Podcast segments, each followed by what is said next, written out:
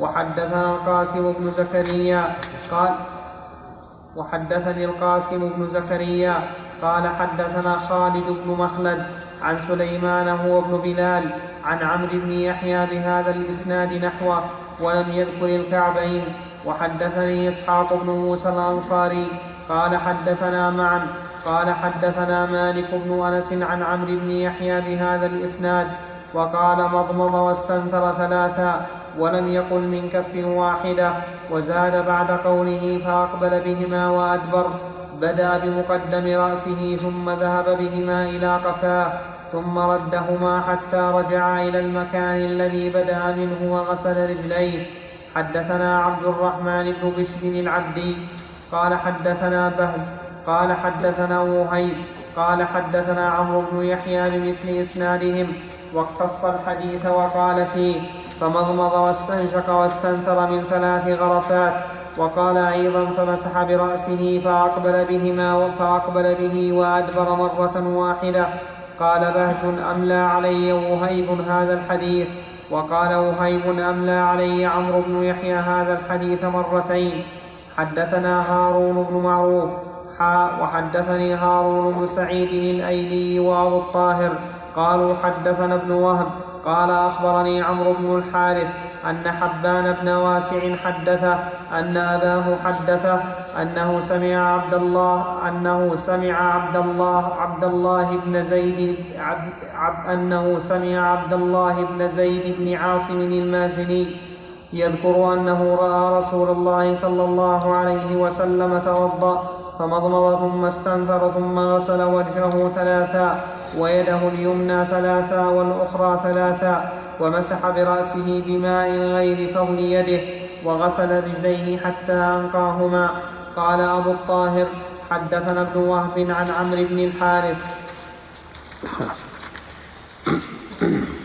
هذا الحديث فيه صفة وضوء النبي صلى الله عليه وعلى آله وسلم وقد سبق لنا ذلك لكن هذا فيه التصريح بأنه يتمضمض ويستنشق من كف واحدة وأن الغرفات ثلاث. وهذا أحسن شيء أن يغترف غرفة واحدة يتمضمض منها ويستنشق وتكون الغرفات ثلاثا وقال بعض العلماء يستنشق ويستنثر ثلاثا من كف واحد وكأنه اغتر باللفظ الأول. قوله من كف واحدة. ولكن من كف واحدة موزعة على الثلاث. يعني كل كل كل مضمضة واستنشاق من الثلاث بكف واحدة كما تفسره الرواية الأخرى. وفي هذا الحديث كيفية مسح الرأس. وأن الإنسان يبدأ بمقدم رأسه حتى ينتهي إلى قفاه ثم يردهما إلى المكان الذي بدأ منه. والحكمة من ذلك أن الشعر يختلف إقباله وإدباره. فالشعر الذي في الناصية إقباله نحو الجبهة والشعر الذي في القفاء إقباله نحو الكتف. فإذا مسح الشعر من نحو من نحو الناصية انفتح الشعر. فصار البلل في أسفله والعكس بالنسبة للوراء. ثم إذا رد صار انفتح الوراء والعكس بالنسبة للناصية. فهذه الحكمة من كونه يقبل بهما ويدبر. ولكن لو مسح على غير هذا الوجه أيجزي؟ نعم لعموم قوله وامسحوا برؤوسكم. ولو غسل بدل المسح. فقد اختلف العلماء في ذلك. فمنهم من قال إنه لا يجزئ لأنه خلاف ما أمر به. وقد قال النبي صلى الله عليه وعلى آله وسلم من عمل عملا ليس عليه أمرنا فهو رد. ومن العلماء من قال يجوز لأنه إنما سقط الغسل تخفيفا. فإذا غسله فهذا هو الأصل. ولكن الأقرب عندي أنه لا يصح لأنه أولا خلاف ما أمر به. قال الله تعالى وامسحوا برؤوسكم ولأنه من التنطع في دين الله.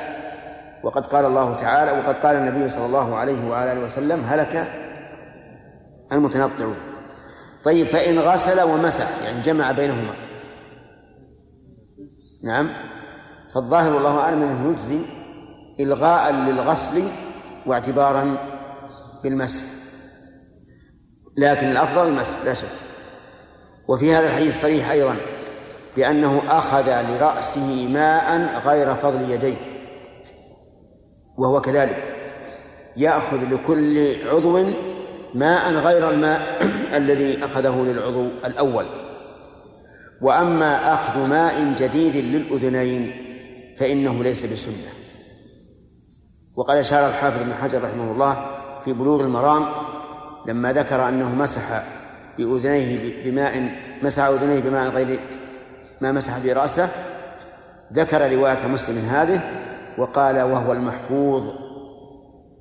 فتكون الرواية الأخرى شاذة لأن ذلك هو مقابل المحفوظ وعلى هذا فلا حاجة إلى أن يأخذ ماء جديدا للأذنين نعم بارك الله فيكم الرواية هذه قال بلد بهما وأكثر ثم قال بدل مقدم بدل من هل هذه الشيء ناخذها نص؟ لأن نص واحدة فقط. نعم. يكون نص المسألة هذا لأن لأن قوله أقبل بهما وأدبر خاف أن يتوهم الإنسان أن يبدأ من القفا. ويقول هذا هو الإقبال. ففسرها. فالجملة الثانية هذه تفسير للأولى كيف نص؟ ما معنى نص؟ ما معنى نصا في المسألة أي أن من قال احتج علينا في تأويلات أقبل بدل من المؤخرة كنا في رواية مسلم مبينا لهذا لا ما في شيء ما في شيء نعم. الطاهر.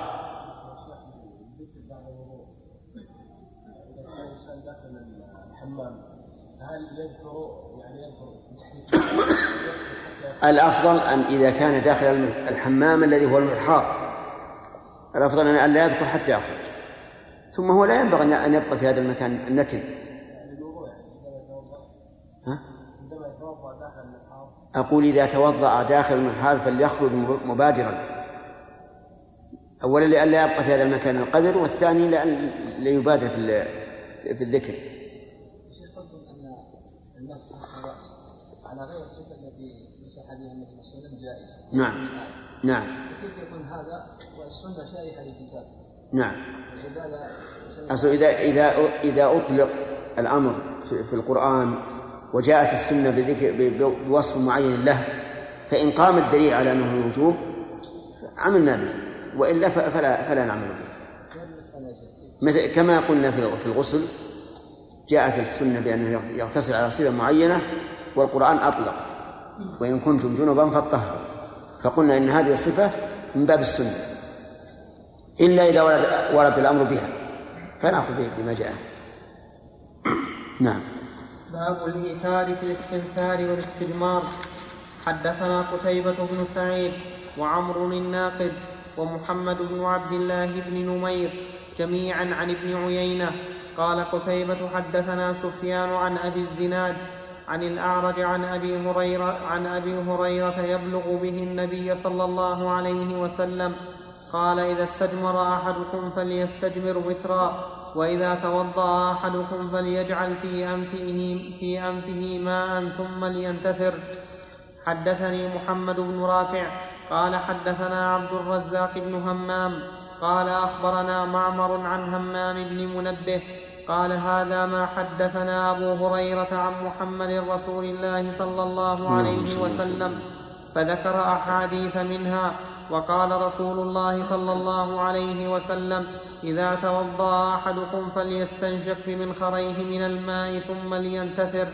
حدثنا يحيى بن يحيى قال قرأت على مالك عن ابن شهاب عن أبي إدريس الخولاني عن أبي هريرة أن رسول الله صلى الله عليه وسلم قال من توضأ فليستنثر ومن استجمر فليوتر. حدثنا سعيد بن منصور قال حدثنا حسان بن إبراهيم قال حدثنا قال حدثنا يونس بن يزيد حاء وحدثني حرملة بن يحيى قال أخبرنا ابن وهب قال أخبرني يونس عن ابن شهاب قال أخبرني أبو إدريس الخولاني أنه سمع أبا هريرة وأبا سعيد الخدري يقولان قال رسول الله صلى الله عليه وسلم بمثله. نعم هذا هذا في بيان الإيتار قال النبي صلى الله عليه وعلى آله وسلم إذا استجمر أحدكم فل إيش؟ فليستجمر وترا. إذا استجمر الاستجمار هو إنقاء المحل. يعني انقاء القبل أو الدبر بالأحجار من الخارج المعتاد. هذا الاستجمار إنقاء القبل أو الدبر بالأحجار من الخارج المعتاد. أمر النبي عليه الصلاة والسلام أن من استجمر أن يوتر. ومعلوم أن أقل الوتر واحدة. لكن ثبت عن النبي صلى الله عليه وعلى آله وسلم فيما رواه سلمان الفارسي رضي الله عنه أن النبي صلى الله عليه وسلم نهى أن نستنجي بأقل من ثلاثة أحجار. وعلى هذا فلا بد من الثلاث. ثم إذا أنقى بالرابعة نقول زد خامسة أوتر وإذا أنقى بالسادسة نقول زد سابعة فأوتر. فصار الوتر مبتداه بالنسبة للاستثمار من من ثلاثة. طيب. وقوله إذا استجمر أحدكم فليستجمر وترا هل لا بد من ثلاثة أحجار أو المقصود ثلاث مسحات الثاني. الثاني هو المقصود لا شك. إذ لا فرق بين ثلاثة أحجار وحجر له شعب ثلاث. اللهم إلا أن يقول قائل إنه ظاهري اللفظ ويكون ظاهريا يقول ولا بد من ثلاثة أحجار فهذا يمكن أن يقول. لأن غالب الأحكام التي يستنبطها أهل الظاهر رحمهم الله من النصوص تبنى على الظاهر بقطع النظر عن المعنى. طيب. ولكن الصحيح أنها أنه يجوز بحجر له ثلاث شعب قول وإذا توضأ أحدكم فليجعل في أنفه ماء ثم لينتثر واللفظ الثاني فليستنشق بمنخريه من من الماء ثم لينتثر. يدل على وجوب الاستنشاق. إنه يستنشق ثم ينتثر. لكن أكثر العلماء على عدم وجوب الانتثار وأن الواجب هو الاستنشاق لأن الاستنشاق يحصل به تطهير داخل الأنف. وكون الإنسان مثلا لا ينتثر يبلع الماء أو لا يبلعه هذا شيء آخر. ولكن الأحوط والأسلم حتى من الناحية الصحية أن يستنثر إذا استنشق. أولا لأجل أن يخرج الأذى. والثانية لئلا يترسب الماء لئلا يترسب الماء في خياشيمه فيحدث بذلك التهاب. وأما قول النبي صلى الله عليه وعلى آله وسلم للقيط بن صبرة بالغ في الاستنشاق إلا أن تكون صائما فهذا لا يعني أن الإنسان يؤمر بأن يصل الماء إلى داخل الخياشيم.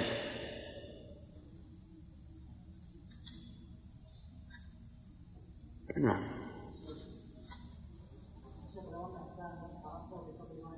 إيش؟ إي نعم إيش تقولون؟ يقول رجل مسح رأسه بفضل ماء يديه أما على رأي من يرى أن الماء ينقسم إلى طاهر وطهور ونجس فيقولون إنه لا يصح لأن الماء الذي ينفصل من يديه بعد غسلهما يكون طاهرا غير مطهر. وأما على قول من, من لا يرى هذا فالظاهر أنه يجزئه ما دام تأكد أن فيهما بللا نعم. إذا مسح الإنسان رأسه فنحتاج إلى أخذ ماء هل يحتاج إلى أخذ ماء للبدنين؟ يعني هو هم دخل يديه بوسط الشعر. المسح من ظاهر. لكن نعم ربما يكون عليه مثل غترة أو أو طاقية ثم مع نزعه ماء آه، تنشف يده ربما. على كل حال إن يبست يداه أخذ ماء جليل البدنين نعم. قل إذا أنقذ المسحتين مثلا وقال أنا الآن المحل نقي فقام وتوضأ وصلى. نعم. فهل نقول صلاة صحيحة باطلة؟ ما تقولون؟ يقول رجل استنجى بمسحتين وأنقى ثم توضأ وصلى. فهل تصح صلاته أم لا؟ نعم. تصح. العبرة بالإنقاء لا ما يصير هذا. نعم. هو على كل حال من قال إنه يشترط لصحة الوضوء أن يسبقه استنجاء. قال إن هذا صلى بغير وضوء فصلاته باطلة فلا بد من إعادته. ومن قال إنه لا يشترط للوضوء تقدم الاستنجاء صار هذا الرجل صلى بنجاسة لأنها لم تنق شرعا.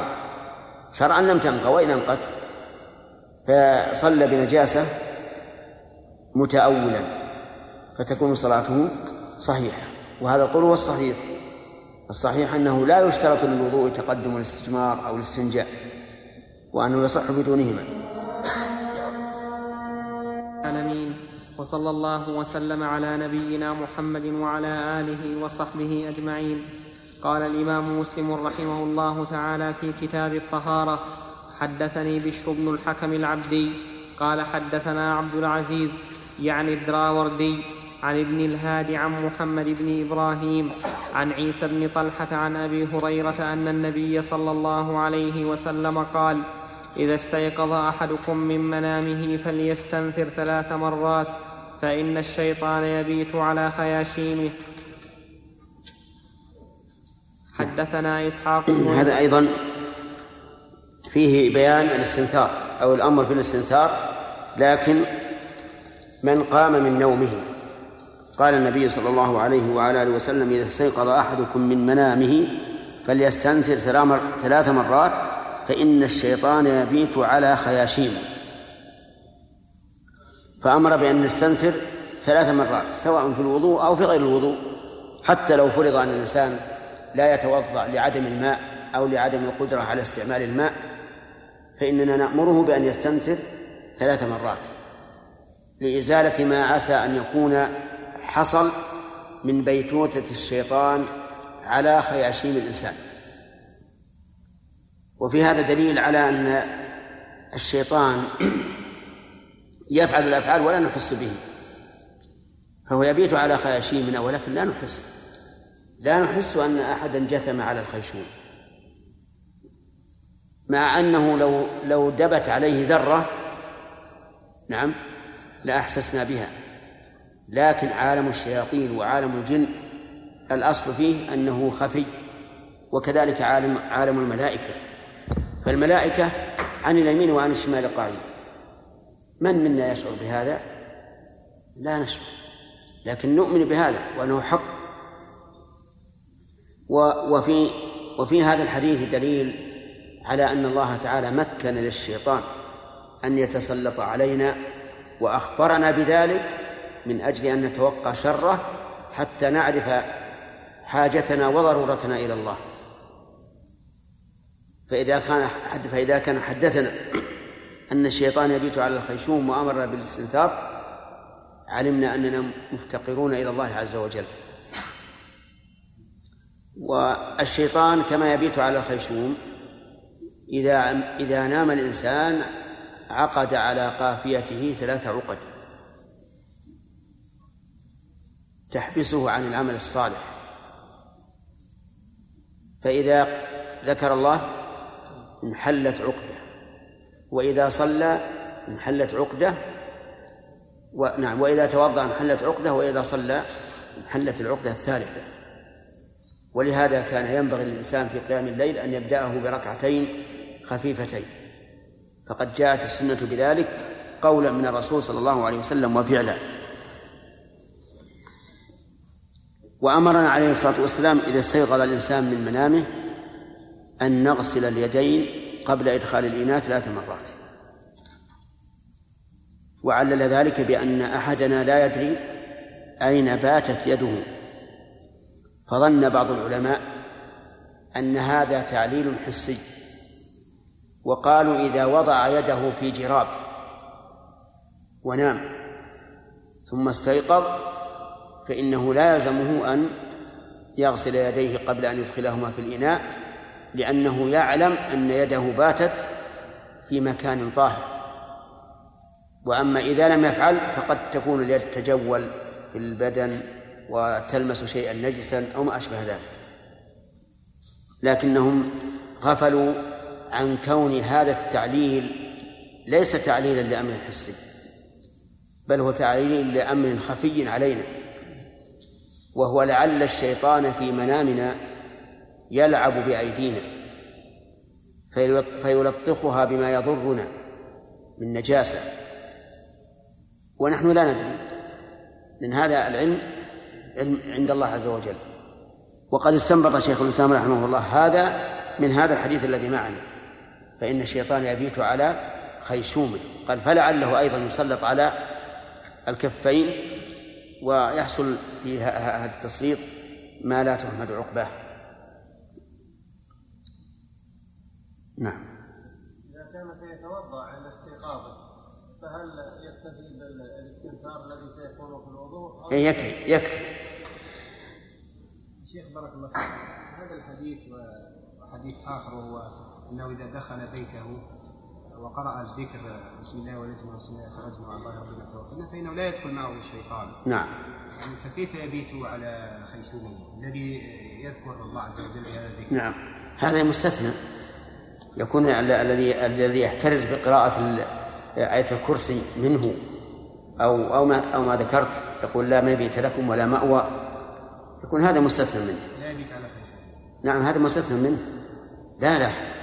يبيت على خيشوم يكون هذا مستثنى يعني لا يضره الشيطان ما دام يقظانا فإذا نام سلط عليه نعم يا حميدي هل الاستنشاق هنا لابد له من الاستنشاق؟ إيش؟ الاستنشاق هنا هل لابد له من الاستنشاق؟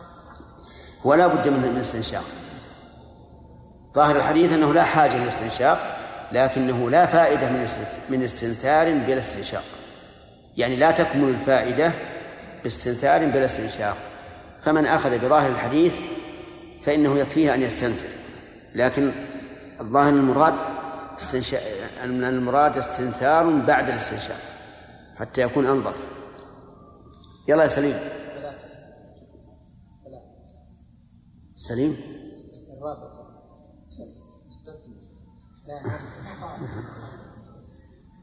يلا يا سليم. يا من يا من ردوا الكلام بالصفات مثل مثل يرد الصفات من الآيات انما هي على ظاهرها كيف ناخذ نستنبط الأحكام الثانية ونصدق الأحكام الثانية ونكذب آيات الصفات؟ كيف؟ اللي اللي يكذبون اللي يقولون إن آيات الصفات ما هي على ظاهرها كيف نصدق؟ بالاحكام اللي اللي من القرآن كلها كلها نستنتجها من ضمن القرآن. ونكذب باسم صحيح. هذه من الحجة. يقال إذا كنا آيات الأحكام نعرف معناها ونتعبد لله تعالى بما تدل عليه فكذلك آيات الصفات. ولا فرق لأن آيات الصفات يجب علينا أن نؤمن بها. ولو يعني لو تصورت هذه المذاهب لوجدتها بشعة. يعني هل نستطيع أن يقول إن, إن, إذا سمعنا النبي صلى الله عليه وسلم يقول إن الله ينزل إلى السماء الدنيا نقول ما ينزل؟ هذا معنى كلامه. لكن هم ينكرونها تأويلا لا جحدا لأنهم لو أنكروها جحدا مع ثبوتها لكفروا. لكنهم لكنهم ينكرونها تأويلا فمن أجل تأويلهم صار أمرهم أخف. نعم. حدثنا إسحاق بن إبراهيم ومحمد بن رافع. قال ابن رافع حدثنا عبد الرزاق. قال أخبرنا ابن جريج. قال أخبرني أبو الزبير أنه سمع جابر بن عبد الله يقول قال رسول الله صلى الله عليه وسلم إذا استجمر أحدكم فليوتر. سبق الكلام باب وجوب غسل الرجلين بكمالهما. حدثنا هارون بن سعيد الأيلي وأبو الطاهر وأحمد بن عيسى وأحمد بن عيسى قال وأخبرنا عبد الله بن وهب عن مخرمة بن بكير عن أبيه عن سالم مولى شداد قال دخلت على عائشة زوج النبي صلى الله عليه وسلم يوم توفي سعد بن أبي وقاص فدخل عبد الرحمن بن أبي بكر فتوضأ عندها فقالت يا عبد الرحمن أسبغ الوضوء فإني سمعت رسول الله صلى الله عليه وسلم يقول ويل للأعقاب من النار وحدثني الأعقاب جمع عقب وهو العرقوب عرقوب القدم وإنما توعدها بالنار لأن الصحابة رضي الله عنهم كانوا مع النبي صلى الله عليه وعلى آله وسلم في سفر فأرهقتهم صلاة العصر فجعلوا يتوضؤون ويمسحون. ويكون فيه بعض ال... يعني يكون فيه بعض التقصير بعض أقدامهم تلوح لم يصبها الماء فنادى بأعلى صوته ويل للأعقاب من النار. نعم. وحدثني حرملة بن يحيى قال حدثنا ابن وهب قال أخبرني حيوة قال قال أخبرني حيوة قال أخبرني محمد بن عبد الرحمن أن أبا عبد الله مولى شداد بن الهاد حدثه أنه دخل على عائشة فذكر عنها عن النبي صلى الله عليه وسلم بمثله. وحدثني محمد بن حاتم. حيوة. فيها يعني إشكال. فما هو الإشكال الذي فيها؟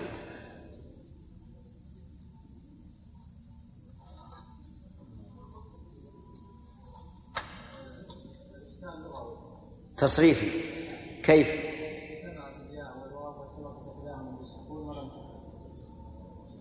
ولم تقلب الواو ياء صحيح.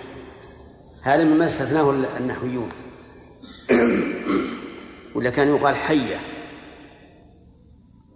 نعم. وحدثني محمد بن حاتم وأبو معن الرقاشي. قال حدثنا عمر بن يونس. قال حدثنا عكرمة بن عمار. قال حدثني يحيى بن أبي كثير قال حدثني أو حدثنا أبو سلمة بن عبد الرحمن قال حدثني سالم مولى المهري قال خرجت أنا وعبد الرحمن بن, أب ابن أبي بكر في جنازة في جنازة سعد بن أبي وقاص فمررنا على باب حجرة عائشة فذكر عنها عن النبي صلى الله عليه وسلم مثله. حدثني سلمة بن شبيب قال حدثنا الحسن بن أعين قال حدثنا فليح قال حدثني نعيم بن عبد, نعيم بن عبد الله عن سالم مولى شداد بن الهاد قال كنت أنا مع قال كنت أنا مع عائشة مع, مع عائشة رضي الله عنها فذكر عنها عن النبي صلى الله عليه وسلم بمثله. وحدثني زهير بن حرب قال حدثنا جرير حاء وحدثنا إسحاق قال أخبرنا جرير عن منصور عن هلال بن يساف عن أبي يحيى عن عبد الله بن عمرو قال رجعنا مع رسول الله صلى الله عليه وسلم من مكة إلى المدينة حتى إذا كنا بماء, بماء بالطريق تعجل قوم عند العصر فتوضأ فتوضأوا وهم, وهم عجال فانتهينا إليهم وأعقابهم تلوح لم يمسها الماء فقال رسول الله صلى الله عليه وسلم ويل للأعقاب من النار أسبغوا الوضوء. وحدثناه أبو بكر بن أبي شيبة قال حدثنا وكيع عن سفيان حاء وحدثنا وحدثنا ابن المثنى وابن بشار قال حدثنا محمد بن جعفر قال حدثنا شعبة كلاهما عن منصور كلاهما عن منصور بهذا الإسناد وليس في حديث شعبة أسبغ الوضوء وفي حديثه عن أبي يحيى الأعرج حدثنا شيبان بن فروخ وأبو كامل الجحدري جميعا عن أبي عوانة قال أبو كامل حدثنا أبو عوانة عن أبي بشر عن يوسف بن ماهك عن عبد الله بن عمرو قال تخلف عنا النبي صلى الله عليه وسلم في سفر سافرناه فأدركنا وقد حضرت صلاة العصر. فجعلنا نمسح على أرجلنا فنادى ويل للأعقاب من النار. حدثنا عبد الرحمن بن سلام الجمحي قال حدثنا الربيع يعني ابن مسلم عن محمد وهو ابن زياد عن أبي هريرة أن النبي صلى الله عليه وسلم رأى رجلا لم يغسل عقبيه فقال ويل للأعقاب من النار. حدثنا قتيبة وأبو بكر بن أبي شيبة وأبو كريب قالوا حدثنا وكيع عن شعبة عن محمد بن زياد عن أبي هريرة أنه رأى قوما يتوضؤون من المطهرة فقال أسبغ الوضوء فإني سمعت أبا القاسم صلى الله عليه وسلم يقول ويل للعراقيب من النار. حدثني زهير بن حرب قال حدثنا جرير عن سهيل عن أبي هريرة عن, عن أبيه عن أبي هريرة قال قال رسول الله صلى الله عليه وسلم ويل للأعقاب من النار. باب وجوب هذا الحديث كما سمعتم ألفاظه وأنه روي عن عبد الله بن عمرو وعن عائشة رضي الله عنها وعن أبي هريرة. كلها تدل على الوعيد الشديد على من قصر في غسل الرجلين واقتصر على المسح. وفيه أيضا دليل على أنه لا يمكن حمل القراءة السبعية وأرجلكم إلى الكعبين على أنها تابعة للرأس وأنها تمسح كما يمسح الرأس خلافا لمن؟ للرافضة الذين اقتصروا فيها على المسح على الرجلين وادعوا أنها معطوفة على قوله وامسحوا برؤوسكم وأرجلكم وقد بينا وجه هذه القراءة فيما سبق. وأما قوله أسبغ الوضوء فهذا الصحيح أنه ليس من المرفوع وأنه من كلام أبي هريرة رضي الله عنه وقد مثل به العلماء علماء مصطلح الحديث مثلوا به للمدرج في أوله وقالوا إن قوله أسبغ الوضوء ويل للعقاب إن هذا من كلام أبي هريرة. لأن بعض الرواة أدمجه في الحديث نعم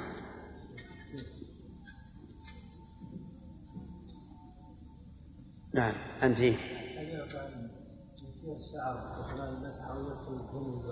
كيف؟ الإنسان إذا مسح شعره قد يترك يسير من شعره هل يدخل تحت الوعيد؟ معروف الشعر النازل من شعر الرأس ما ما في مسح ولا يمكن أيضا في مسح الرأس أن تمسح كل شعرة بعينها لأن هذا صعب.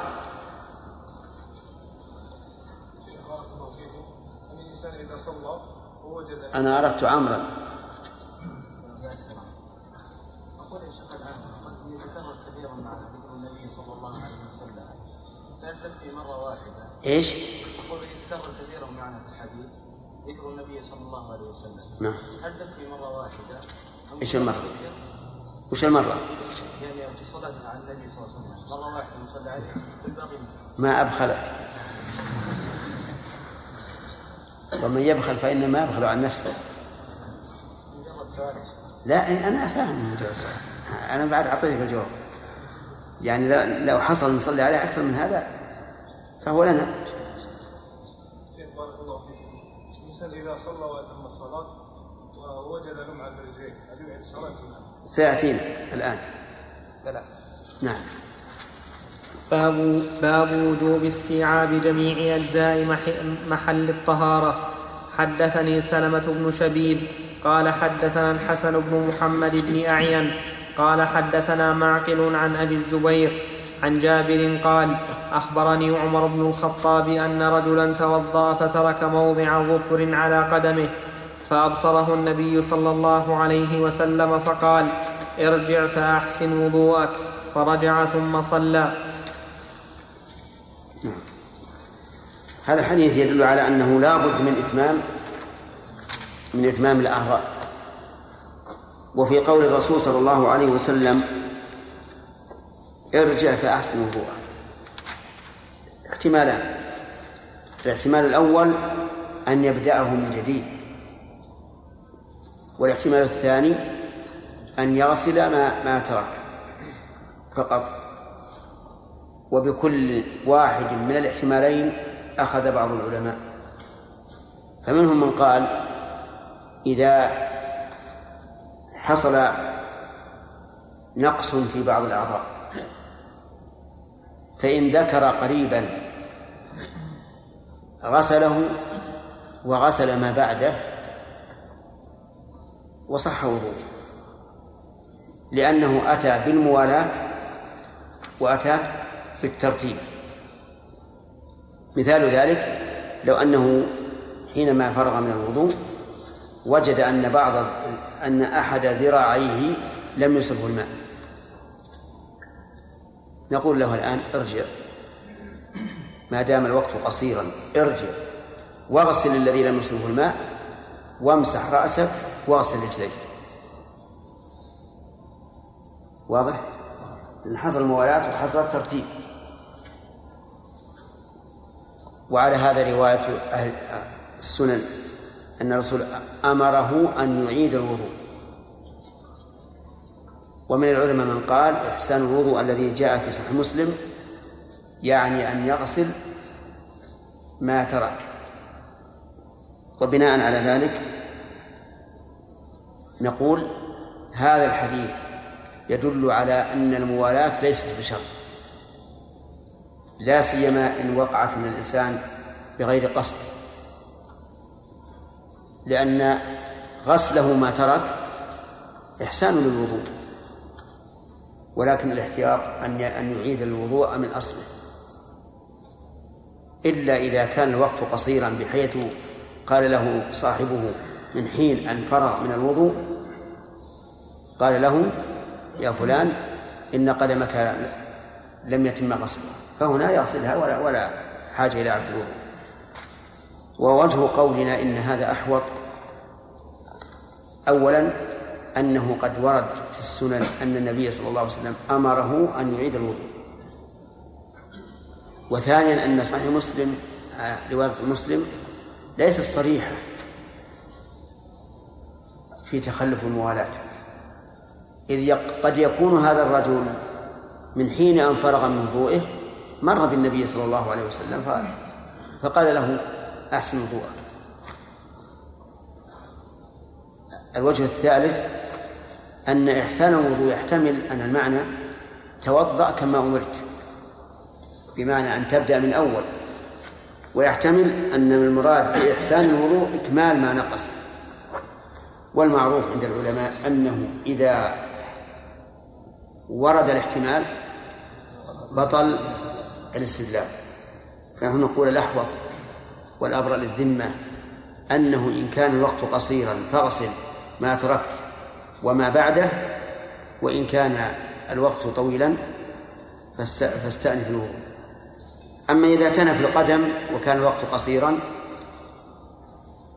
فهل يغسل يعني فهل يمسح رأسه أو لا؟ عجيب لا لأن رجليه هما آخر عضو في الوضوء. نعم. شيخ هل يصح إذا أردنا الاستدلال بحديث النبي صلى الله عليه وسلم نقول قال محمد بن عبد الله صلى الله عليه وسلم أو قال أبو القاسم صلى الله عليه وسلم؟ أو ينبغي أن نقول قال رسول الله؟ الافضل قال رسول الله. لكن لا بأس أن تقول قال محمد بن عبد الله أو قال أبو القاسم في مقام يعترف به الجميع. أما إذا كان هناك إنكار فلا بد أن تقول رسول الله. ولهذا مما قال رسول قريش في الحديبية قال اكتب هذا ما قاضى عليه رسول الله قال لا. لا تكتب. اكتب محمد بن عبد الله فكتب محمد بن عبد الله.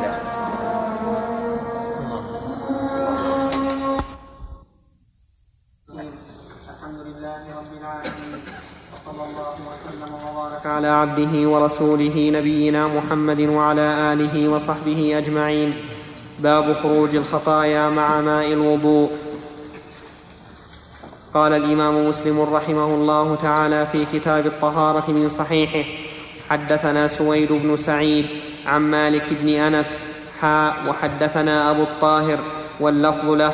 قال أخبرنا عبد الله بن وهب عن مالك بن أنس عن سهيل بن أبي صالح عن أبيه عن أبي هريرة أن رسول الله صلى الله عليه وسلم قال إذا توضأ العبد المسلم أو المؤمن فغسل وجهه خرج من وجهه كل خطيئة نظر إليها بعينيه مع الماء أو مع آخر قطر الماء قطر. أو مع آخر قطر الماء فإذا غسل يديه خرج من يديه كل خطيئة كان بطشتها يداه كان بطشتها يداه مع الماء أو مع آخر قطر الماء فإذا غسل فإذا غسل رجليه خرجت كل خطيئة مشتها رجلاه مع الماء أو مع آخر قطر الماء حتى يخرج نقيا من الذنوب. بسم الله الرحمن الرحيم. هذا الحديث فيه بيان خروج الخطايا مع ماء الوضوء. وفيها فيه شك في المسلم أو المؤمن أو مع الماء أو مع آخر قطر الماء. وهذا الشك يحتمل أنه من أبي هريرة أو من من دونه. وإذا جاءت مثل هذه العبارة فالغالب أنها للشك وقد تكون للتنويع. لكن مثل هذا الحديث لا يصح أن تأتي أن يكون المراد بذلك التنويع. بل هي شك بلا شك. إما من أبي هريرة أم أو ممن دونه. ولكن الظاهر أنه لا يختلف المعنى بالنسبة للمؤمن والمسلم لأن المؤمن حيث أطلق شمل المسلم والمسلم حيث أطلق شمل المؤمن. أما قول مع آخر قطر الماء أو مع الماء فكذلك لأن إذا قلنا مع الماء شمل أول قطرة وآخر قطرة وكذا وإذا قال آخر قطرة فهو في آخر قطرة والمعنى لا يختلف. المهم أن في هذا دليل على أن الوضوء يطهر الإنسان من الخطايا. كل عضو يطهره فإنه يتطهر من الخطايا التي عملها هذا العضو. فبالنسبة للوجه ما الذي يحصل به من الخطايا؟ يقول خرج من وجهه كل خطيئة نظر إليها بعينيه. وهذا على سبيل المثال. وخص الذكر لأنه وخص العين لأنها أكثر ما يحصل به العمل في الوجه. وإلا فهناك الشم ربما يكون فيه خطيئة. هناك الأكل ربما يكون فيه خطيئة. لكن العين هي أعمها وأكثرها. والظاهر أن ما عمله أيضا بأنفه من الشم المحرم أو بفمه من أكل المحرم إنه داخل في ذلك. أما اليد فيقول كل خطيئة كان بطشتها يد يداه. وهذا واضح. أما بقي الرجلين. كل خطيئة مشت إليها رجلاه. بقي الرأس. الرأس الغالب أن خطاياه إنما تكون في أعضاء في أعضاء الوجه. وقد حصل تطهيرها. لأن الغالب أن الإنسان لا يعمل برأسه خطيئة. نعم ربما يعمل ولكن الغالب أنه لا يعمل. أو يقال إنه سكت عن عن مس الرأس لأنه لا يغسل وإنما يمسح. أو يقال إن إن الرأس يقاس على بقية الأعضاء لأن مسحه تطهير. الله أعلم. لكن آخر الحديث قوله حتى يخرج نقيا من الذنوب يدل على أنه سواء قلنا إن الرأس تخرج خطاياه مع المسح أو لا تخرج فإنه يكون الإنسان نقيا من الذنوب. نعم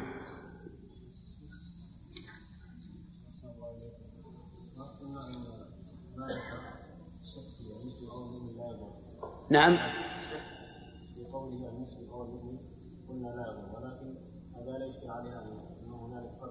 والمؤمن بلى. هناك فرق بين المسلم والمؤمن عند الاجتماع. يعني إذا ذكر الإيمان والإسلام مثل إن إن المسلمين والمسلمات والمؤمنين والمؤمنات أما إذا ذكر أحدهما شمل الآخر. نعم ما يؤخذ من هذا الحديث تنشيف قبل الوضوء لا. من الماء هو هو آخر قطر. يبي يكون قبل أن يتهيأ للتنشيف فضلا عن التنشيف. لأن الماء تعرف سريع الانفصال. يعني ليس كالدهن الذي يس... كالدهن الذي يسيل شيئا فشيئا هو سريع الانفصال. نعم. يدخل في هو ما قلت لك ما, ما لم يذكر الفم ولا الأنف. لم يذكر الفم ولا الأنف فيقاس على هذا. والحمد لله الجملة الأخيرة من الحديث حتى يخرج نقيا من الذنوب تدل على العموم. نعم. حدثنا محمد بن معمر حدثنا محمد بن معمر بن ربعي ابن ربعي القيسي قال حدثنا أبو هشام المخزومي عن عبد الواحد وهو ابن زياد قال حدثنا عثمان بن حكيم قال حدثنا محمد بن المنكدر عن حمران عن عثمان بن عفان قال قال رسول الله صلى الله عليه وسلم من توضأ فأحسن الوضوء خرجت خطاياه من جسده حتى تخرج من تحت أظفاره. باب استحباب إطالة الغرة والتحجيل في الوضوء. حدثنا حدثني أبو كريب محمد بن العلاء والقاسم بن زكريا والقاسم بن زكريا بن زكريا بن دينار وعبد بن حميد قالوا حدثنا خالد بن مخلد عن سليمان بن بلال قال حدثني عمارة بن غزية قال حدثني عمارة بن غزية الأنصاري عن نعيم بن عبد الله المجمر قال قال رأيت قال رأيت أبا هريرة أبا هريرة يتوضأ فغسل وجهه فأسبغ الوضوء ثم غسل يده اليمنى حتى أشرع في العضد ثم يده اليسرى حتى أشرع في العضد ثم مسح رأسه ثم غسل رجله اليمنى حتى أشرع في الساق ثم غسل رجله اليسرى حتى أشرع في الساق ثم قال هكذا رأيت رسول الله صلى الله عليه وسلم يتوضأ وقال قال رسول الله صلى الله عليه وسلم أنتم الغر المحجلون يوم القيامة من إسباغ الوضوء فمن استطاع منكم فليطل غرته وتحجيله. وحدثني هارون, هارون بن سعيد الأيلي قال حدثني ابن وهب قال أخبرني عمرو بن الحارث عن سعيد بن أبي هلال عن نعيم بن عبد الله أنه رأى أبا هريرة يتوضأ فغسل وجهه ويديه حتى كاد يبلغ المنكبين ثم غسل رجليه حتى رفع إلى الساقين. ثم قال سمعت رسول الله صلى الله عليه وسلم يقول إن أمتي يوم القي... إن أمتي يأتون يوم القيامة غرا محجلين من أثر الوضوء فمن استطاع منكم أن يطيل غرته فليفعل. حدثني بسم الله الرحمن هذا يقول هذا الحديث يقول نعيم بن عبد الله نعيم بن عبد الله المجمر ويقال المجمر.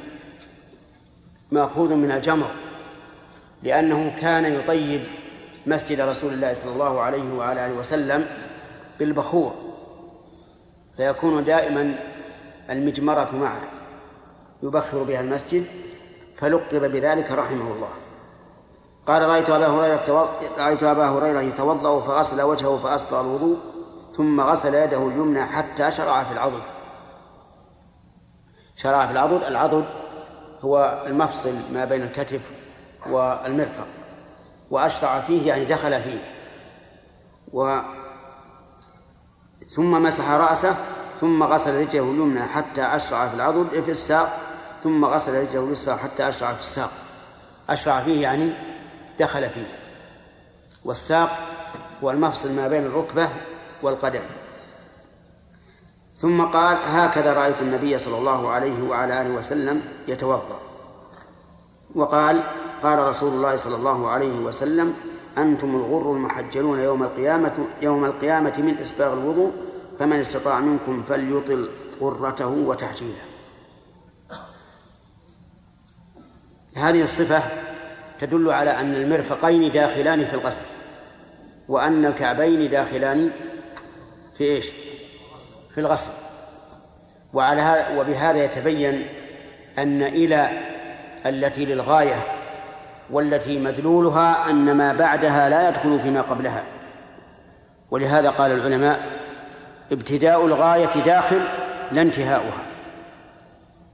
لكن في آية الوضوء انتهاء الغاية داخل. والذي دلنا على ذلك فعل النبي صلى الله عليه وعلى آله وسلم. وقد زعم بعض النحاة أن إلى بمعنى مع فمعنى وأيديكم من المرافق أيديكم مع المرافق. واستدلوا لذلك بأن إلى تأتي بمعنى مع كما في قوله تعالى ولا تأكلوا أموالهم إلى أموالكم. أي مع أموالكم. فأما الأول وقوله من إن إلى بمعنى مع في آية الوضوء فمسلم ودليله فعل النبي عليه الصلاة والسلام. وأما الاستشهاد بالآية ففيه نظر لأن الآية ضمن الأكل معنى الضم فقول لا تأكلوا أموالهم إلى أموالكم أي لا تضموها إليها. وبينهما فرق أي بين مدلول الآية ومدلول آية الوضوء. وعلى هذا فيكون فيكون المرفقان والكعبان داخلين في الوضوء وهو كذلك. وأما قوله أنتم الغر المحجرون يوم القيامة فهذا من خصائص هذه الأمة أنها تكون يوم القيامة أو أنهم يكونون يوم القيامة غرا محجلين والغر بياض في وجه الفرس والتحجيل بياض في أرجله. وذلك لأن الوضوء يطهر به الوجه ويطهر به الذراعان ويطهر به القدمان. فيأتي الناس يوم القيامة أعني هذه الأمة غرا محجلين. وهذا التحجيل ليس مجرد بياض بل هو بياض في نور. فيكون لهم فتكون لهم هذه السيمة فضلا من الله سبحانه وتعالى عليهم. وأما قوله فمن استطاع منكم فليطل غرته وتحجيله فقد قال المحققون من العلماء إن هذا القيل من أبي هريرة رضي الله عنه وليس من كلام النبي صلى الله عليه وعلى آله وسلم. واستدلوا لذلك بأن النبي صلى الله عليه وسلم كان إذا توضأ لا يطيل لا غرته ولا تحجيله امتثالا لقوله تعالى إلى المرافق وإلى الكعبين. فقد حدد الله تعالى موضع الغسل. ثم قالوا أيضا إن إطالة الغرة لا يمكن لأن لأن الغرة بياض الوجه والوجه لا يمكن لا تمكن الإطالة فيه. وعلى هذا فلا يمكن أن يكون هذا القول من كلام رسول الله صلى الله عليه وعلى آله وسلم بل هو من كلام أبي هريرة. وإلى هذا يشير قول يشير ابن القيم في النونية في قوله وأبو هريرة قال ذا من كيسه فغدا يميزه أولو العرفان وإطالة الغرات ليس بممكن أيضا وهذا واضح التبيان. أما اللفظ الآخر فإنه لم ينسب هذا الفعل أي كونه يغسل حتى يصل إلى الكتفين لم ينسبه إلى الرسول عليه الصلاة والسلام بل هو من اجتهاد أبي هريرة وهو مدفوع بما ثبت في السنة نعم. نعم. إيش؟ مدرجة هذا من باب الإدراج. نعم. إيش؟ ها هكذا بالنسبة لكونه يشرع في العودتين ويشرع في الساقين. فقط.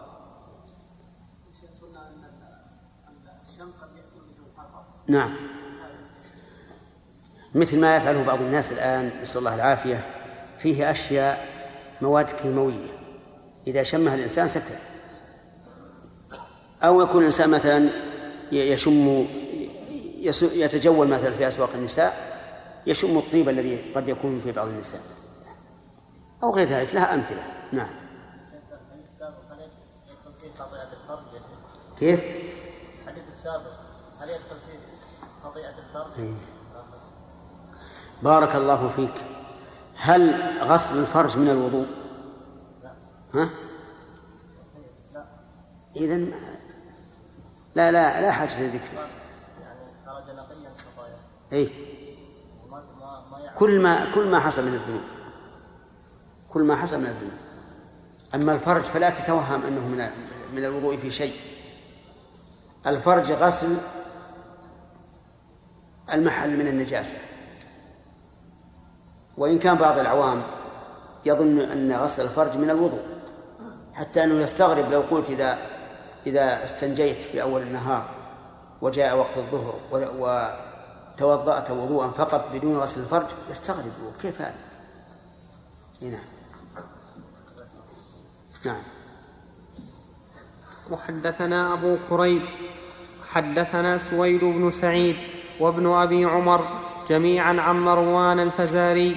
قال ابن أبي عمر حدثنا مروان عن أبي مالك الأشجعي سعد بن طارق عن أبي حازم عن أبي هريرة أن رسول الله صلى الله عليه وسلم قال إن حوضي أبعد من أيلة من عدن لهو أشد بياضا من الثلج وأحلى من العسل باللبن ولآنيته أكثر من عدد النجوم. وإني لأصد الناس عنه كما يصد الرجل إبل, إبل الناس عن حوضه. قالوا يا رسول الله أتعرفنا يومئذ؟ قال نعم لكم سيما ليست لأحد من الأمم تردون علي غرا محجلين من أثر الوضوء. وحدثنا أبو كريب وواصل بن عبد الأعلى واللفظ لواصل. قال حدثنا ابن فضيل عن أبي مالك الأشجعي عن أبي حازم عن أبي هريرة قال قال رسول الله صلى الله عليه وسلم ترد علي أمتي الحوض وأنا أذول الناس عنه كما يذول الرجل إبل الرجل عن إبله. قالوا يا نبي الله أتعرفنا؟ قال نعم لكم سيما ليست لأحد غيركم. تردون علي غرا محجلين من آثار الوضوء وليصدن عني طائفة منكم فلا يصلون. فأقول يا رب هؤلاء من أصحابي فيجيبني ملك فيقول وهل تدري ما أحدثوا بعدك؟ وحدثنا عثمان بن أبي شيبة قال حدثنا علي بن مسهر عن سعد بن طارق عن ربعي بن حراش عن حذيفة قال قال رسول الله صلى الله عليه وسلم إن حوضي لأبعد من أيلة من عدن والذي نفسي بيده إني لأذود عنه الرجال كما يذود الرجل الإبل الغريبة عن حوضه. نعم. قالوا يا رسول الله وتعرفنا؟ قال نعم تردون علي غرا محجلين من آثار الوضوء ليست لأحد غيركم. حدثنا يحيى هذا أيضا فيه دليل على فضيلة هذه الأمة بكونها تأتي يوم القيامة غرا محجلين وفيها الإشارة إلى حوض النبي صلى الله عليه وعلى آله وسلم.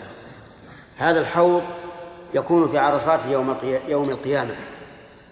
ويروى به الناس أحوج ما يكونون به أح- أحوج ما يكونون إليه من الري وطوله شهر وعرضه شهر. وهذا يدل على أنه مدور ويصب فيه مي- ميزابان من الكوثر الذي أعطيه النبي صلى الله عليه وعلى آله وسلم وهو نهر في الجنة. ولا ينضب ماؤه أبدا. ووصفه النبي صلى الله عليه وسلم بأن ماءه أبيض من اللبن وأ- وأحلى من العسل وأطيب من رائحة المسك. وهذه كلها صفات تدعو الإنسان إلى الشرب منه. وأما آثاره فمن شرب منه شربة واحدة لم يظمأ بعدها أبدا. ثم هذا الحوض موجود الآن. وقد قال النبي عليه الصلاة والسلام إن منبري على حوضي.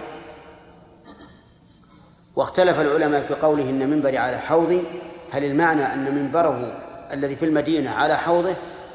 أو المراد أنه يوضع هذا المنبر على حوضه يوم القيامة؟ وهذا أقرب. هذا الحوض يرده ترده هذه الأمة فقط. فيأتي الناس عطاشا يريدون الشرب فيذودهم النبي صلى الله عليه وعلى آله وسلم عن هذا الحوض كما يذود الرجل صاحب الإبل عن حوض إبله الإبل الغريبة. فسألوا النبي عليه الصلاة والسلام هل تعرفون؟ قال نعم. وذلك بما بما يأتون به يوم القيامة من كونهم غرا محجلين. وفي الحديث قال النبي صلى الله عليه وسلم ولا يصدن عني ولا يصدن عني طائفة منكم فلا يصلون. فأقول يا رب هؤلاء من أصحابي فيجيبني ملك فيقول وهل تدري ما أحدث بعدك؟ يقول طائفة طائفة منكم والطائفة أقلها ثلاثة بل قيل إن أقلها واحد. حتى قال بعض العلماء في قوله تعالى وليشهد عذابهما طائفة من المؤمنين بأنه يكفي واحد في شهود إقامة حد الزنا على الزاني. وقالوا إن طائفة اسم فاعل من طاف يطوف إذا تردد وهو وهو صفة لموصوف محذوف تقديره نفس طائفة. وعلى هذا فالواحد يكون طائفة. وإذا لم نسلم هذا القول فإن فإن الثلاثة بلا شك تسمى طائفة. وهذه الثلاثة التي تسمى طائفة أخذ منها الرافضة أن جميع الصحابة هم الطائفة وأنهم كلهم يصدون عن حوض النبي عليه الصلاة والسلام قاتلهم الله. إلا نفرا قليلا من آل البيت ومن يرون أنهم يستحقون أن يكونوا من, من آل البيت حكما. فيقال لا شك أنه بعد موت النبي عليه الصلاة والسلام ارتدت طائفة من المؤمنين. ومنهم من مات على الردة ورسول الله صلى الله عليه وسلم لا يعلم الغيب. وهؤلاء سوف يصدون يوم القيامة عن حوض الرسول عليه الصلاة والسلام لأنهم ماتوا على الكفر. وقد قال الله تعالى ومن يرتد منكم عن دينه فيمت وهو كافر فأولئك حبطت أعمالهم في الدنيا والآخرة وأولئك أصحاب النار هم فيها خالدون. ولكن أتدرون ماذا يحصل من هذا القول الباطل الكذب؟ من أن الصحابة كلهم ارتدوا إلا نفرا قليلا إنه يستلزم رد جميع الشريعة. إلا ما جاءت عن طريق هؤلاء المستثنين. وإلا فكلها مردودة لأنهم يقولون كلهم ارتدوا عن دينهم والعياذ بالله والمرتد لا يقبل خبره. وفي هذا بيان لخطورة هذا المذهب. وأنه لو قيل بلوازمه وهي لازمة سواء قيل بها أم لم يقل بها. إذا قيل بذلك معناه إبطال كل الشريعة التي جاءت من غير طرق هؤلاء. فالحاصل أن هذا الحديث ليس فيه دليل على أن أكثر الصحابة مرتدون وإنما فيه طائفة. وإذا قلنا بأن أقلهم واحد فهو واحد وإن قلنا أقلهم إن أقلهم ثلاثة فهم ثلاثة. وليكونوا عشرة. لكن هل الذين ارتدوا أيضا هل هم ممن رسخوا في الإسلام؟ أبدا. إن الذين رسخوا في الإسلام لم يرتدوا. بل إن الذين بايعوا تحت الشجرة ألف وأربعمائة. كلهم لن يدخلوا النار. لقول النبي صلى الله عليه وسلم إنه لا يدخل النار أحد بايع تحت الشجرة. ولقول الله تعالى لقد رضي الله عن المؤمنين. إذ يبايعونك تحت الشجرة. وكل الذين حضروا بدرا فإنهم لن يدخلوا النار. لأن الله اطلع إلى أهل بدر وقال اعملوا ما شئتم فقد غفرت لكم. ومن هؤلاء الخلفاء الأربعة أبو بكر وعمر وعثمان وعلي. ومعلوم أن من الرافضة من يقول إن أبا بكر وعمر ماتا على النفاق. وأنهما مخلدان في نار جهنم والعياذ بالله. فالحاصل أن هذا الحديث ليس فيه متمسك للرافضة الذين يقولون إن أصحاب النبي صلى الله عليه وسلم ماتوا على الكفر إلا نفرا قليلا. بل نقول الطائفة معروفة باللغة العربية ونحن نخرج باليقين من بايعوا تحت الشجرة ومن كانوا من أهل بدر. لأن لأن خبر الله لا يدخله النسخ لقد رضي الله عن المؤمنين. وخبر النبي صلى الله عليه وسلم لا يدخله النسخ لا يدخل النار أحد بايع تحت الشجرة. وخبر, وخبر النبي صلى الله عليه وسلم لا يدخله النسخ إن الله اطلع إلى أهل بدر فقال اعملوا ما شئتم فقد غفرت لكم. وقد نفذ ذلك النبي صلى الله عليه وسلم تطبيقا عمليا في قصة من؟ حاطب بن أبي بلتع رضي الله عنه حين جس على رسول الله صلى الله عليه وسلم وأصحابه لصالح قريش فاستأذن عمر أو غيره من الصحابة أن يضرب عنقه فقال لا. إن الله اطلع إلى أهل بدر فقال اعملوا ما شئتم فقد غفرت لكم. وهل لغير الرسول صلى الله عليه وسلم حوض؟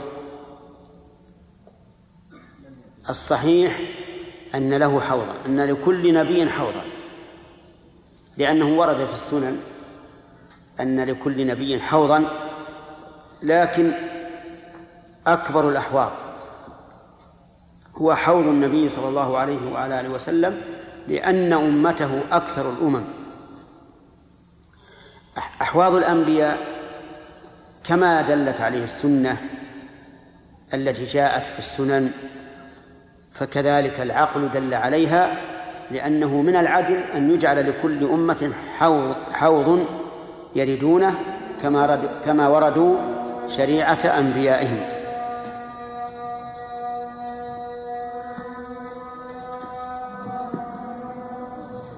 الله الحمد لله رب العالمين. الورقة معك.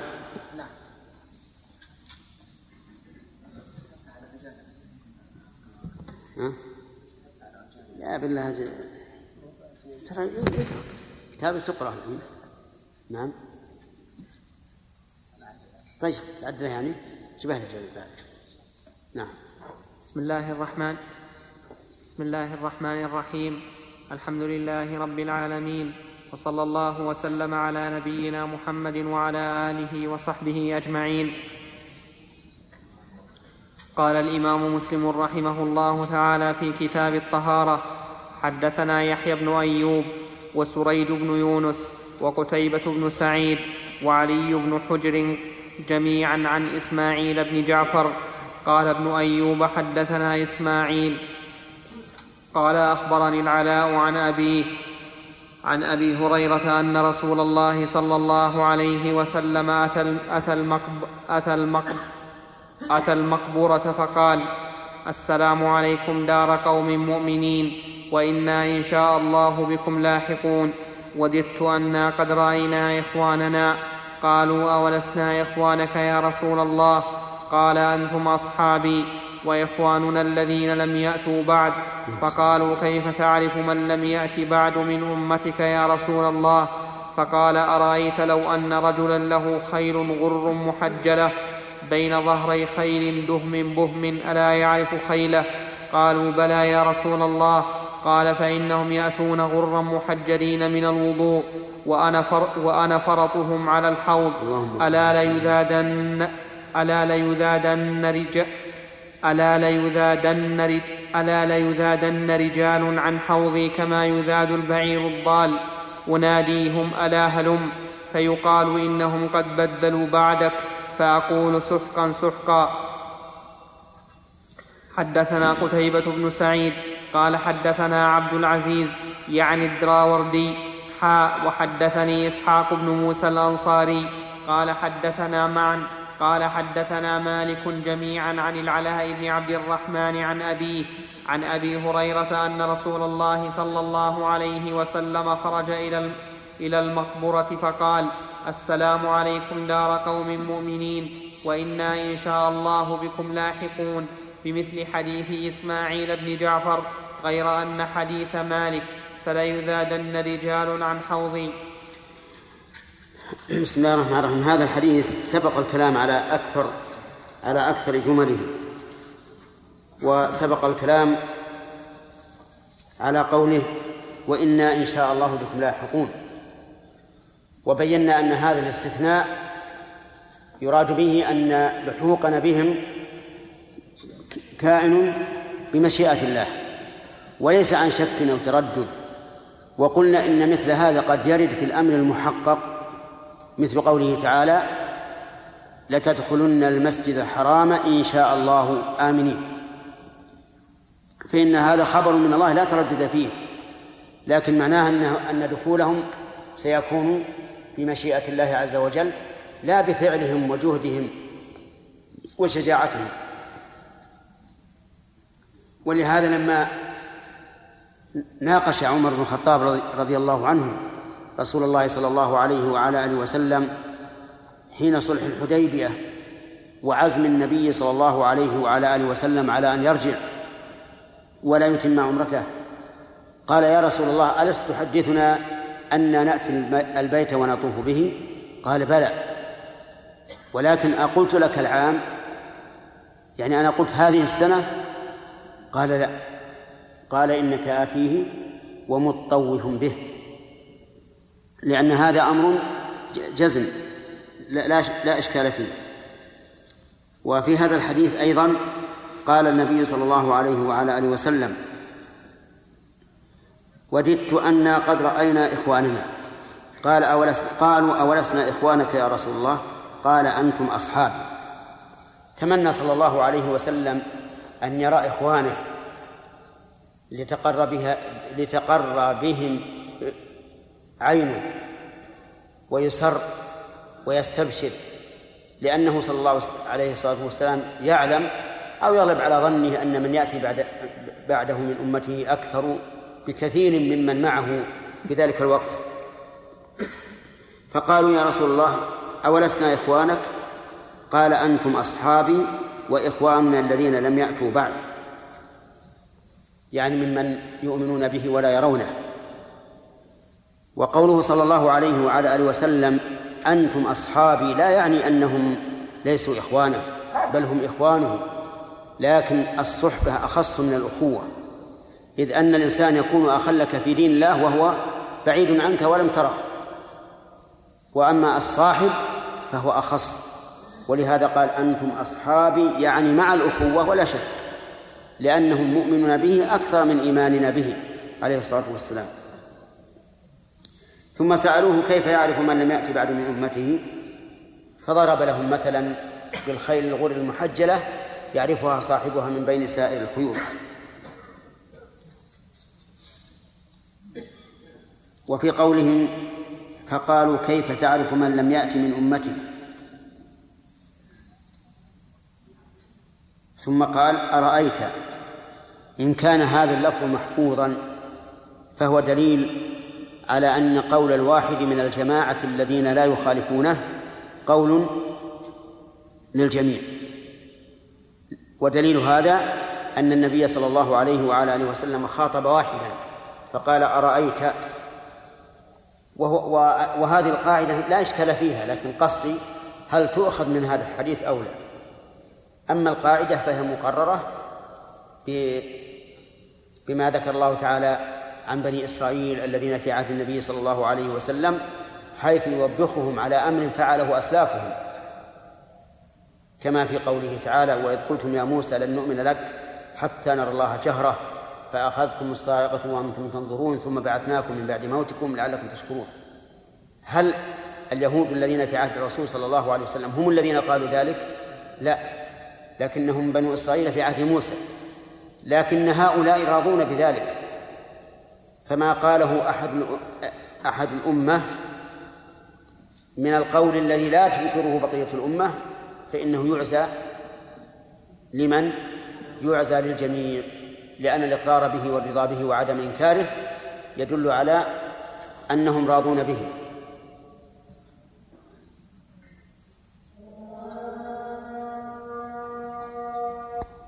قال الإمام مسلم رحمه الله تعالى في كتاب الطهارة من صحيحه حدثنا قتيبة بن سعيد قال حدثنا عبد العزيز يعني دراوردي حاو حدثني إسحاق أحسن تقرأ الترجمة. قبل أن تقول قال ما قرأ الترجمة؟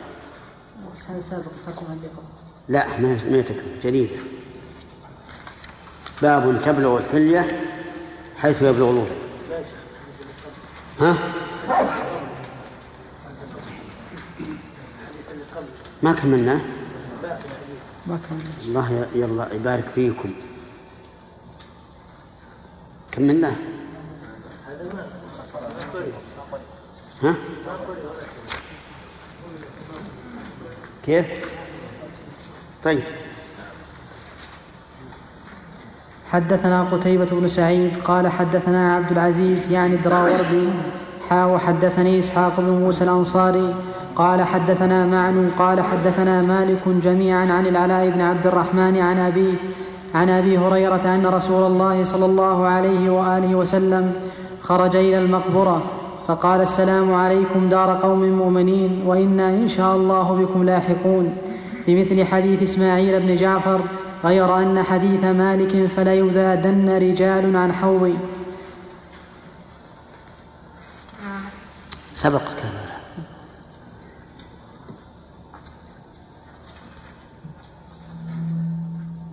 نعم.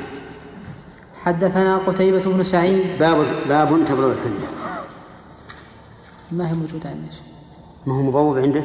لا الشرح موجود الشرح مبوب. على كل حال الباب اللي عندي باب تبلغ الحلية حيث يبلغ الوضوء باب تبلغ الحلية حيث يبلغ الوضوء. حدثنا قتيبة بن سعيد قال حدثنا خلف يعني ابن خليفة عن أبي مالك الأشعري عن أبي حازم قال كنت خلف أبي هريرة وهو يتوضأ للصلاة فكان يمد يده حتى تبلغ إبطا فقلت له يا أبا هريرة ما هذا الوضوء؟ فقال يا بني فروخ أنتم ها هنا؟ لو علمت أنكم ها هنا ما توضأت هذا الوضوء. سمعت خليلي صلى الله عليه وسلم يقول تبلغ الحلية من المؤمن حيث يبلغ الوضوء.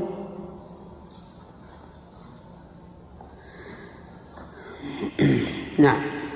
هذا الحديث كما سبق فيه أن أبا هريرة رضي الله عنه كان يتجاوز محل الفرض في الوضوء متأولا قول النبي صلى الله عليه وعلى وسلم تبلغ الحلية من المؤمن حيث يبلغ الوضوء.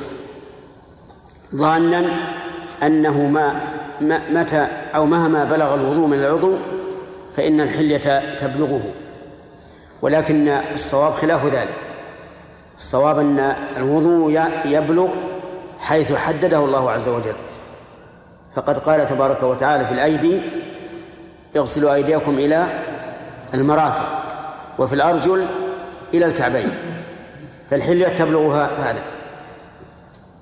وقولها الحلية يعني الحلية على الرجال والنساء هناك في الجنة وهي ثلاثة أنواع ذهب وفضة ولؤلؤ. كما قال تعالى يحلون فيها من أساور من ذهب ولؤلؤ. ولؤلؤ هذه فيها قراءتان الجر ولؤلؤ والفتح ولؤلؤا والمعنى واحد يحلون لؤلؤا. وفي سورة الإنسان وحلوا أساور من فضة. وعلى هذا فتكون حلية المؤمن في الجنة ثلاثة أنواع. ذهب وفضة ولؤلؤ. لكن هل هو يلبسها على التناوب أو يلبسها مجتمعة؟ الظاهر أنها مجتمعة. وأنه يحصل آه، بالكمال والجمال من اجتماعها ما لا يحصل منفردة.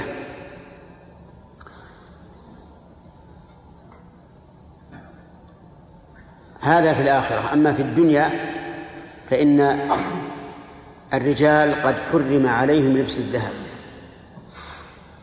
حتى جعل النبي صلى الله عليه وعلى آله وسلم ذلك بمنزلة الجمرة يضعها الإنسان في يده. وأما الفضة فللإنسان أن يلبس الخاتم ونحوه من الفضة. وقال بعض أهل العلم له أن يتحلى بما يتحلى به الرجال من الفضة بدون قيد لأنه لم يرد في الفضة نص عام يدل على تحريم التحلي بها على الرجال. لكن الأحوط الاقتصار على ما جاء به النص في مثل الخاتم ونحوه. نعم. شرف. بارك الله فيكم. الانسان خرج إلى المقبرة. نعم. هل مرور الإنسان الآن والمقبره مصوره على السيارة يعتبر من الخروج إليها ويشرع السلام؟ الفقهاء قالوا إن المرور بها كالذهاب إليها وأنه يسن لمن ذهب لزيارتها أو لمن مر بها أن يسلم. ولكن كما ترى الآن السيارة لا تعطي فرصة من حين أن تبدأ بالسلام وأنت مغادر. فهذا هو محل الإشكال. أما لو كان الإنسان يمشي مشيا عاديا يتمكن من إلقاء السلام وإتمام السلام على أهل المقابر لكان الأمر أهون.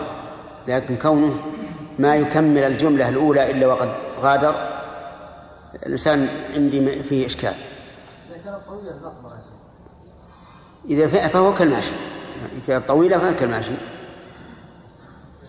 كيف نجمع بين قوله صلى الله عليه وسلم التمس خاتما ولو من حديد وقوله ذاك حجة أهل النار وقول النار جمع بينهما بعض العلماء بأن حديث أن أنه حيلة أهل النار يعني الحديد حديث شاذ لأنه مخالف للحديث الثابت في الصحيحين وهو قوله التمس ولو خاتما من حديد. نعم يوسف. هنا المحشي قال في تفسير قوله صلى الله عليه وسلم تبلغ الحلية. نعم. قال أراد بها النور يوم القيامة. لا هذا خطأ. الذي يراد به النور يوم القيامة التحجيل. أما أما الحلية فلا. شوف جاء الشرح آه، بني فروخ. أما فروخ ها؟ نعم. وتشديد الراء والقاء المعجمة قال صاحب العين. والروح بلغنا أنه كان من ولد إبراهيم صلى الله عليه وسلم. من ولد كان بعد إسماعيل وإسحاق كثر نسله ونمى عدده فولد العجم الذين هم في وسط البلاد.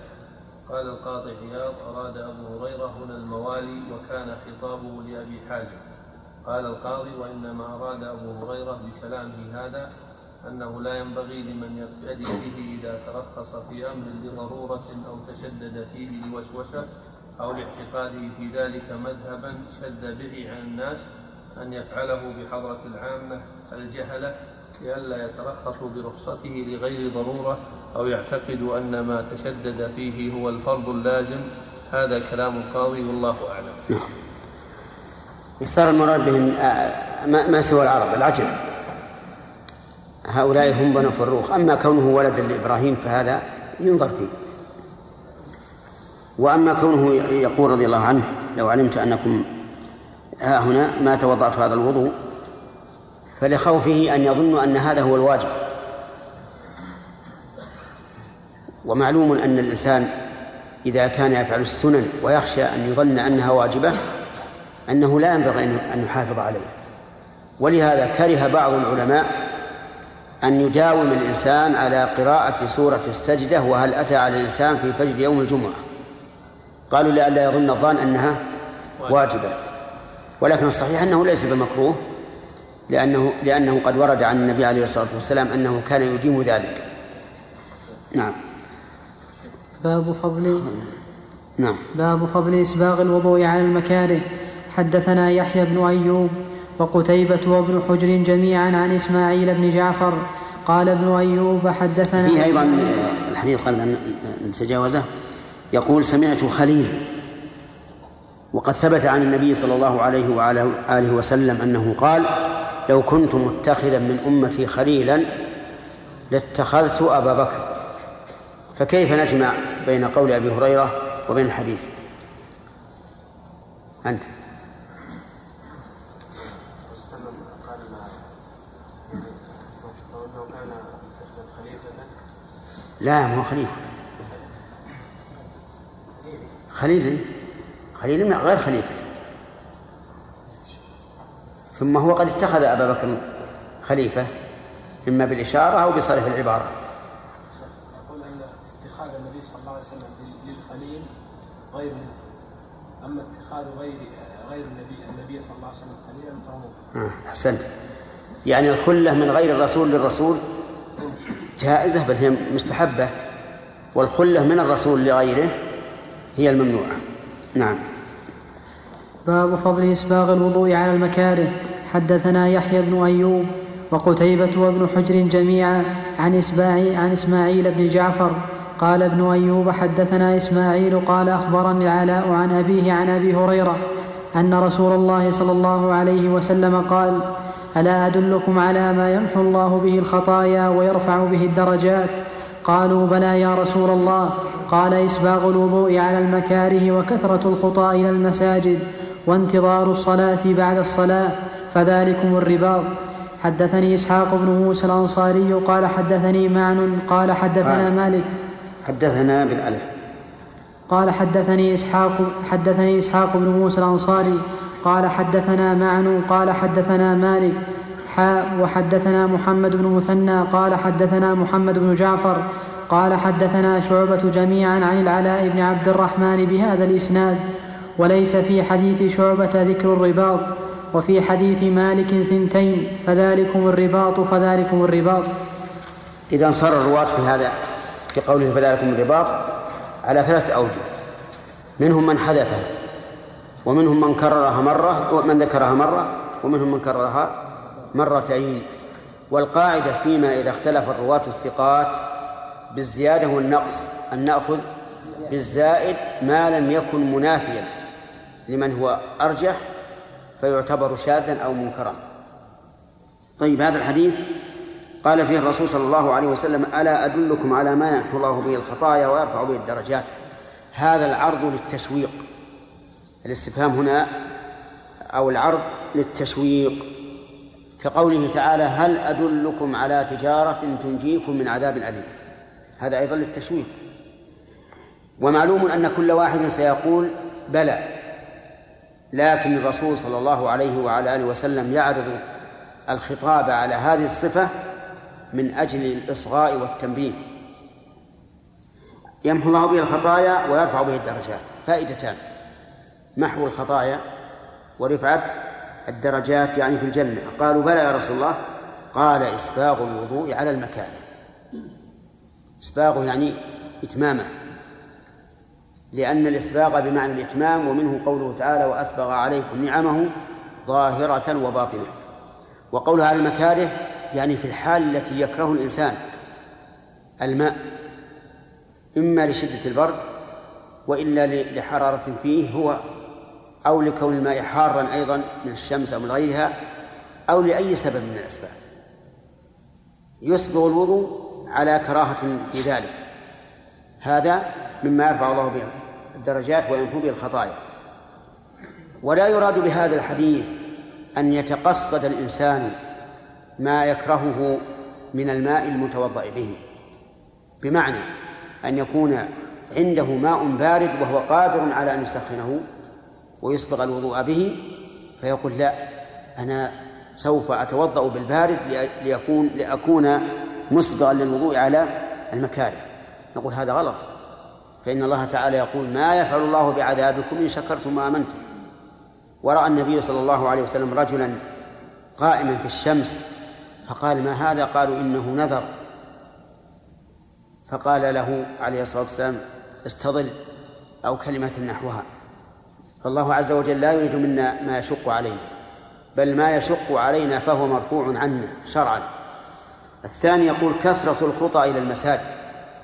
هل معنى ذلك أن أتقصد أن أنزل في مكان بعيد عن المسجد حتى تكثر خطاياي؟ لا. لكن إذا صادف أن منزلك بعيد من المسجد فإن كثرة الخطى مما يرفع الله به الدرجات وينفو به الخطايا وهو دليل على صدق إيمان الإنسان. ثم هل يستحب بناء على ذلك أن يقارب خطاه من أجل أن تكثر؟ لا. لأن النبي عليه الصلاة والسلام لم يأمر بذلك. لم يقل قاربوا بين الخطأ الخطأ بل قال كثرة الخطأ وهو كناية عن إيش؟ عن بعد المكان. يعني كلما بعد المكان كثر كثرة الخطأ إلى المساجد. وعلى هذا فيكون ما قاله بعض العلماء من أنه يستحب أن يقارب بين الخطوات فيه نظر والثالث انتظار انتظار الصلاة بعد الصلاة. والانتظار يكون بالبدن ويكون بالقلب. أما بالبدن فأن يبقى في مكان صلاته حتى تأتي الصلاة الأخرى. وأما بالقلب فأن يكون كلما انتهى من صلاة وإذا هو ينتظر الصلاة الأخرى متى تأتي ليقف بين يدي ربه لأنه يحب الصلاة. جعل الله قرة عينه بالصلاة فيحبها وينتظرها. كلما فرغ من صلاة انتظر الصلاة الأخرى كما يقولون بفارغ الصبر. وهذا دليل على إيمانه. لأن الصلاة إيمان كما قال النبي عليه الصلاة والسلام وما كان الله ليضيع إيمانكم قال العلماء أي صلاتكم إلى بيت المقدس. الشاهد من هذا الحديث قوله ها إسباغ الوضوء على المكاره. نعم.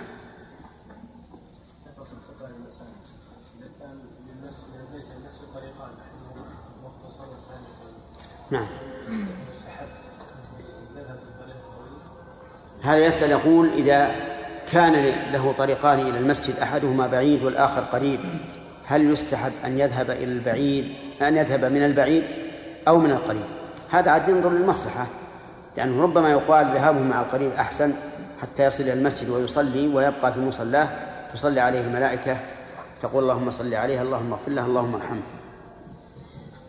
نعم. آدم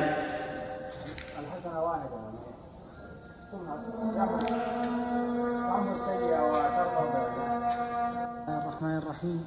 والصلاة والسلام على نبينا محمد وعلى آله وصحبه أجمعين. باب السواك. قال الإمام مسلم رحمه الله تعالى في كتاب الطهارة من صحيحه حدثنا قتيبة بن سعيد وعمر الناقد وزهير بن حرب قالوا حدثنا سفيان قالوا حدثنا سفيان عن أبي الزناد عن الأعرج عن أبي هريرة عن النبي صلى الله عليه وسلم قال لولا أن أشق على أمتي وفي حديث زهير على أمتي لأمرتهم بالسواك عند كل صلاة. عن النبي صلى الله عليه وسلم قال لولا أن أشق على أمتي لا على المؤمنين. لولا أن أشق على المؤمنين وفي حديث زهير على أمتي لأمرتهم بالسواك عند كل صلاة. حدثنا أبو كريب نعم محمد بن العلاء هذه الأحاديث في السواك والسواك يطلق على معنيين المعنى الأول عود الأراك والمعنى الثاني التسوك الذي هو الفعل. والقرينة والسياق هو الذي يبين المراد.